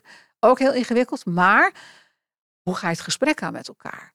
Um, en daarom heet het ook ongemak in het woordroom. Hoe zoek je aan de ene kant het ongemak op, want het moet schuren, voordat je tot een goede afweging komt. Want je komt op ethische vraagstukken, je komt op dilemma's. Um, ja, en ook daarbij de vraag, hoe sta je er dan zelf in? Want die vraag moet je stellen. Die moet je dus ook weten van alle mensen om je heen. Uh, wat ik ook net vertelde over post-corona, uh, hoe we uh, toen ook hebben ontdekt hoe belangrijk het is dat je, dat je een, een, een team bent. En niet een team in de zin van we denken allemaal hetzelfde, maar wel een team in de zin van we weten hoe we met elkaar dingen kunnen oplossen. Maar daar moet je dus voor weten waar, waar zit iemands grenzen, waar zit iemands drijfveer. Nee, dat kan me voorstellen, want ik kan me voorstellen met jouw sterke nadruk op duurzaamheid, dat dat woord wat ik eerder al zei, snelheid, hoe snel of hoe langzaam, of hè, voor de een is het veel te langzaam, voor de ander veel te snel. Hè? Mensen die op de A12 staan versus uh, dat je straks je rol bij Friesland Campina of bij de Rabobank met intensieve veehouderij. Daar kun je natuurlijk, als je zegt dat als het maar de goede richting op gaat, dan voel ik me goed. Maar dan gaat het over snelheid. Hoe snel dan? En dat lijkt me heel lastig. alleen is niet goed genoeg. Nee, nee toch? Dat... Nee, en dat is ook wat je dan, wat ik dan met elkaar in, een, in de Raad van Commissarissen moet je, moet je, daar, moet je daar komen om daar ehm, eh, je acties op te nemen. Uh, en, en dan gaat het in diverse kamers inderdaad over. Uh, vinden we dat we strategisch de goede kant op zijn? En wat voor, wat voor doelstellingen gaan wij, waar gaan wij naartoe werken? En hoe gaan we het bestuur daarop richten? en ja, dan gaat het over snelheid. Dan gaat het uiteindelijk ook altijd over en hebben we daar goede samenstellingen voor? Is daar de organisatie goed voor ingericht? Um, en als we daar zijn in gesprek met het bestuur, um, uh, dan is het ook, en zijn we er als commissaris goed op ingericht? En hoe moeten wij ons inrichten zodanig dat we ook inderdaad daadwerkelijk onszelf houden aan uh, wat we ons voorgenomen hebben? We gaan het erover hebben en we gaan besluiten nemen op dit gebied. Um, ja, en dan wat ik zei, het is dan eigenlijk eerst visie, structuur, maar dan dus ook mensen. En hebben we de goede samenstelling. Ja, en daarbij ga jij dus. En van het bestuur. Duidelijk. En daarbij ga je dus bedrijven die nou, echt een wel spannende opgave hebben op dit gebied. Hè. Friesland Campina moet je nog toetreden, maar je bent al benoemd, geloof ik, of je bent eh, beoogd of zoiets. Per, op, in de toekomst benoemd. Precies, in de toekomst benoemd. Dat zijn juist bedrijven waar dat heel erg spannend is. Je kan ook wel bedrijven bedenken waar het minder spannend is. Maar mijn vraag is eigenlijk anders. Zou je jezelf ook zien in juist een, een enorm, bij een enorm grote uitstoter? Zou je jezelf ook als commissaris zien bij Shell of bij Tata of weet ik veel. Maar een bedrijf waar het nog extremer eh, speelt. Het speelt natuurlijk bij Rabobank en bij Friesland ook heel erg. Zou dat kunnen? Of zeg je nee, dat, dat gaat me nou juist weer een beetje te ver? Of vind ik het juist heel interessant? Want daar moet het echt veranderen. Hangt heel erg af van waar het bedrijf staat met, waar, met um, uh, de onderkenning van de problematiek. En, uh, maar dat kan ook een aardgasbedrijf zijn, bijvoorbeeld, of een, of een oliebedrijf. of uh, push ik het nu te zeg ver? No zeg nooit nooit. zeg nooit nooit. Nou, ik denk, kijk, Shell is niet logisch met mijn achtergrond en, en portefeuille. Um, nou ja, finance is overal belangrijk. ja, ja, dat is waar. Dat is waar. Nee, het hangt, hangt heel erg af waar het bedrijf naartoe wil. En met wie je daar dan zit. Kijk, uiteindelijk de keuzes, wat mij betreft, ook worden gemaakt op wat is de opgave waar het bedrijf voor staat. Hoe zitten de mensen die erin zitten erin en wie zijn het? Wat, wat, wat, wat heb ik daarmee? Denk ik dat ik daarmee.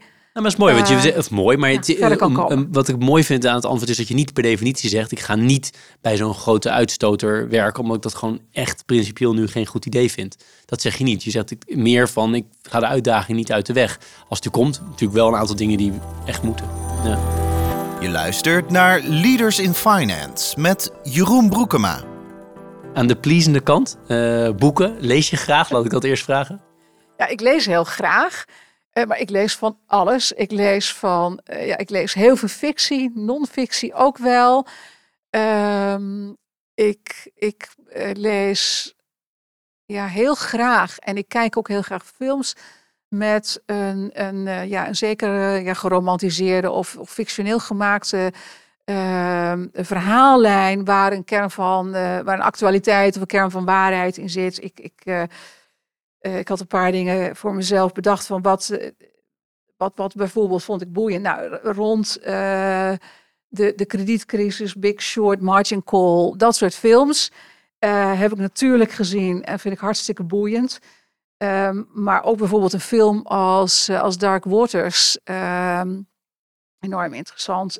onlangs Tart gezien zeer boeiend. Eh, op een hele andere manier. Geen kern van waarheid, maar wel heel levendig en prachtig gebracht. Uh, ook een aantal films gezien. We hadden het net over de katholieke kerk uh, gezien. Over uh, wat er in de katholieke kerk is gebeurd. Wat dan ook iets ja, op een waarheid gebeurde gebeurtenis. Wat iets, iets wat geromantiseerd gebracht. Maar waar, waar je wel inderdaad de, de actualiteit en het thema goed in doorziet. Nou, dan naar de boekenkant. Ik ben een fan van Jeroen Smit. Um, dus ja, die boeken die, uh, die lees ik altijd. En, ja, dus de, de prooi, dat was uh, ja, voor jou natuurlijk sowieso smullen, omdat je iedereen kende. Uh, Misschien ja, ben je er zelf ook voor geïnterviewd ook. Nee, ik ben daar niet voor. Want ik was, ik ben, uh, ik ben bij ABN AMRO gekomen, later, net iets later. Ja, dus dat is de opmaat. Ik, ben, ik heb de periode gedaan waar niemand een boek over zal schrijven. Dus dat hebben we zelf gedaan, overigens in die tijd. Als finance functie hebben we voor onszelf een, eigenlijk een herinneringsboek gemaakt. Met foto's. Die is en niet met publiek. Verhaal, nee, is niet publiek. Was voor onszelf, voor, uh, voor mijn, uh, mijn finance functie. Waarmee we eigenlijk de, de, het licht uitgedaan hebben en de deur hebben dichtgedaan. Als finance functie moet je altijd tot het laatste moment blijven.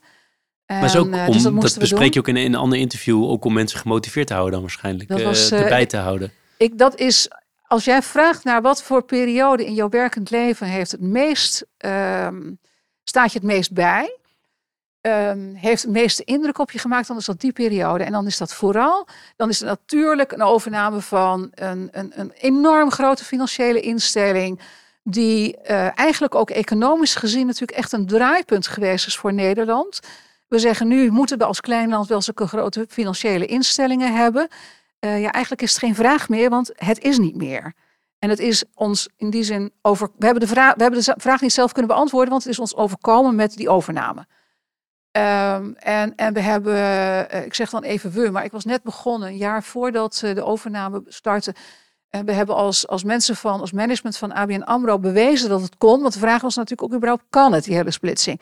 We hebben het in feite bewezen dat het kon, omdat we het zelf gedaan hebben uiteindelijk. We hebben hem zelf, en niet alleen heeft het bestuur verkocht, maar het management heeft uiteindelijk zelf de splitsing gedaan. met samenwerking van en, en mede onder leiding van natuurlijk de aandeelhouders.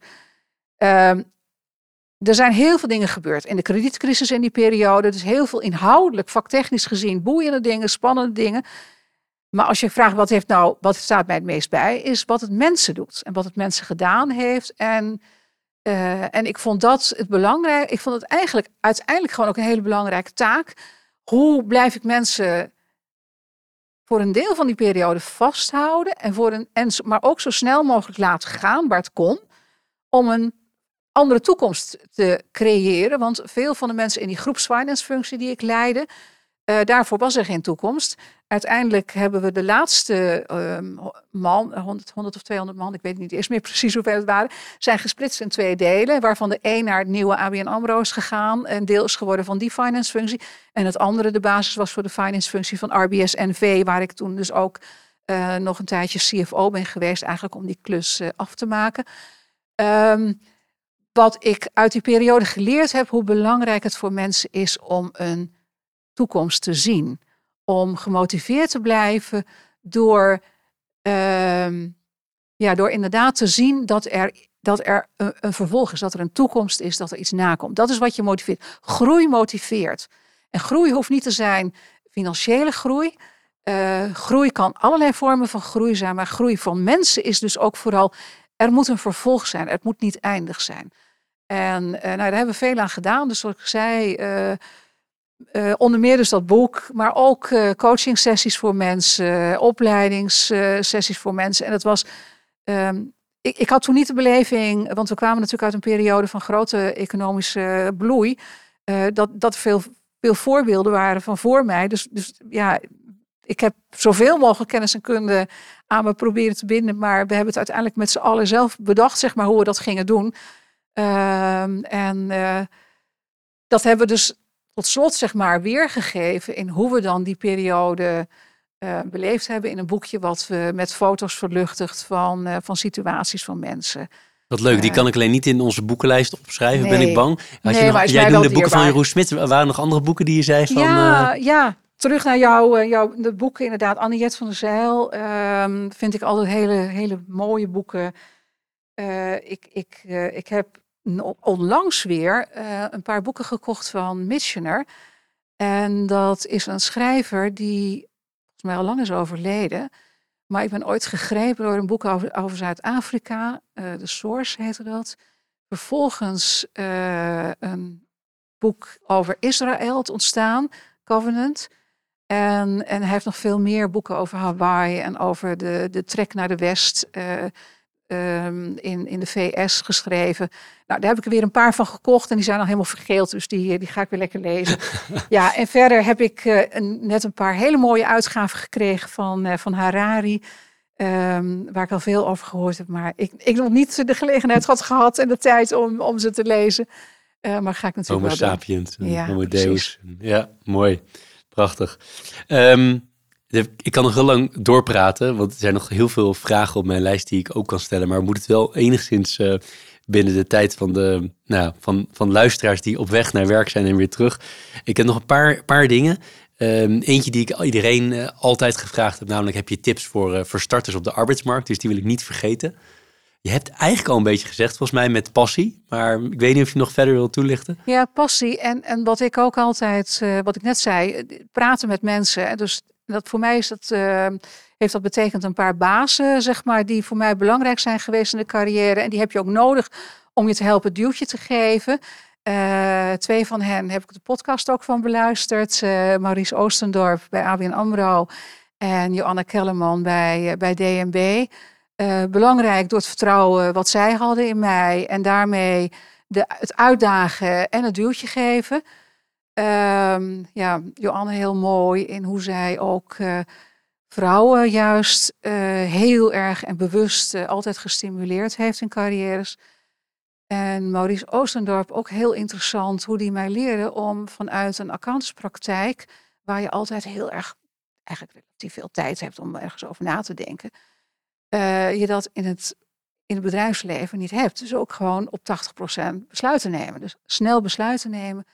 Dat is een van de dingen die ik van hem heb meegekregen. En, maar verder dus inderdaad het vertrouwen en het, en het nou ja, de praatpalen die, die zij beide vormen. Maar die ik ook daarvoor bij KPMG altijd zocht. Maar zoek die mensen niet alleen in je baas, maar zoek die ook om je heen. Je collega's, ook de mensen die, die aan jou rapporteren. Die zijn voor mij ook altijd hele belangrijke bronnen geweest van input, van coaching. Uh, mijn dochter is een belangrijke bron van coaching voor mij.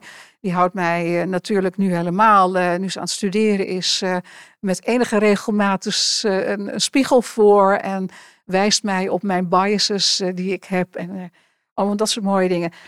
Zoek dat. Ik heb het ook gezocht in vorm van coaching. En het is, het is elke tijd, elke situatie, elke organisatie.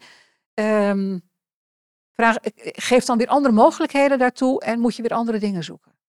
Mooi. Maar verder inderdaad die passie. Ga echt vooral met passie. Dat geven jonge mensen altijd mee. Mijn dochter ook, die studeert is heel anders dan wat ik en mijn man hebben gedaan. Beide komen uit de accountancy. En, uh, en ze zei, vond je niet erg dat, uh, dat ik geen accountancy wil doen? Nee, uh, zei, ja. als je maar hoge cijfers haalt. Ja. als je maar doet waar, waar, je, waar je hart ligt. En, en, en, en daar dan inderdaad ook goed in wordt. Ja. Daar, daar echt alles in, in geeft. En voor haar is dat enerzijds, ja, dat is ook wel mooi. Uh, dat is ook wel weer leuk, want het is een beetje een, een, jeugdliefde van mij ook nog. Ik had het net over het zingen. Zij, uh, zij is een, ik vind een beetje beginnend zangeres. En, uh, dus dit is promotie. Nee, grapje. maar ja, dus zij heeft, twee, zij heeft nog steeds twee liefdes. Enerzijds het, de studie die ze doet en anderzijds de muziek. Mooi, mooi. Andere vraag die ik bijna iedereen gesteld heb is namelijk hoe je werk en privé combineert.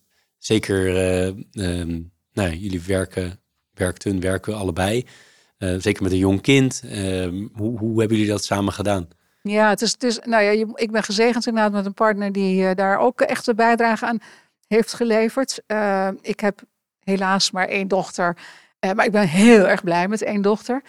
En ehm, ja, en ik weet, ik weet dus niet of één makkelijker is dan meerdere kinderen. Um, maar het vergt inderdaad organiseren. Uh, dus ik, heb, uh, ik ben wel altijd in de gezegende situatie geweest, natuurlijk, van de middelen hebben om het te organiseren. Dus dat, dat heb ik gedaan, want ik heb altijd wel bedacht dat ik uh, niet zo'n leuke moeder zou zijn als ik niet ook zou werken. Ehm, en dan hoop ik maar dat ik met werken wel een leuke moeder was, natuurlijk. ja, ik heb wel ik heb gemerkt dat er ook dat dingen ook wel weer op zijn plek komen. Ik heb een periode gehad waarin ik even niet gewerkt heb. Of waarin ik weer een portefeuille aan het opbouwen was. En dat was toen uh, Katelijn, mijn dochter, begin van de middelbare school zat. En dat was ook een periode waarin het voor haar belangrijk was. Niet dat ik op haar. Dat, niet dat ik er constant met haar in gesprek was, maar wel dat ik een beetje in de buurt zat. Dus dingen komen in het loop van het leven, vallen ook wel op zijn plek en gebeuren op momenten dat dat past en dat het goed is. Dus je vindt ook wel, heb ik beleefd althans, de tijd die nodig is op de natuurlijke momenten. Um, nou ja, verder ben ik natuurlijk, als het om tijd gaat, uh, dat had je al door, ben ik niet het beste voorbeeld. Um, en, is het dus, ja, is het dus inderdaad constant uh, je afvragen prioriteit en ook, ja, dan toch ook soms wel weer rücksichtsloos zijn. Um, werk gaat bij mij voor, dus dat betekent ook soms dat ik rücksichtsloos moet zijn in het afzeggen van wat dan wel een leuk seminar is, of juist niet naartoe gaan. En heb je altijd het gevoel dat je dan wel genoeg tijd hebt ook voor vriendschap en familie en dat soort dingen? Ook dat uh, is dan ook een kwestie van, van prioriteit. Uh, en, en dat dan dus bijvoorbeeld vriendschappen zo nu en dan, moet bekennen, ook niet altijd, maar ook gewoon zo nu en dan weer voor laten gaan op, op andere dingen die misschien werk gerelateerd, maar niet direct werken zijn. Ja, probeer ik wel te doen. Laatste twee vragen. Eerste, als je naar de toekomst kijkt, uh, Deo Lente, alles gaat goed met je. Zijn er nog dingen privé of zakelijk waarvan je zegt, dat zou ik nog wel echt heel erg leuk vinden om nog een keer te doen? Nou, we hebben al genoteerd, genoteerd een internationaal commissariaat. Dus die vul ik even in. Maar zijn er nog andere dingen, zakelijk of privé? Uh, ik vind ja, reizen, ondanks dat we dat natuurlijk nu met, met vliegen hebben, uh, we allemaal een beetje vliegangst of vliegschaamte aan het ontwikkelen zijn. Vliegangst, vliegschaamte. Maar vind ik wel heel leuk. Dus ik vind het leuk om andere culturen te ontmoeten. Daarmee dus ook inderdaad de kans hebben als dat met internationaal werken te combineren is om dat te, te doen. En um, Ja, ik ben, ik ben wel ook met bewust die keuze van uh, duurzaamheid als speerpunt in samenhang met governance slash uh, mijn accountancy achtergrond aan het kijken van daar waar dat samenkomt en ik kan wat betekenen. Uh, nou, klein stand, waar denk je dan? Een klein stand, weet ik nog niet. Een klein standbeeldje wil ik best wel verdienen daarin. Als ik daarmee verder kan komen. Ja. Mooi.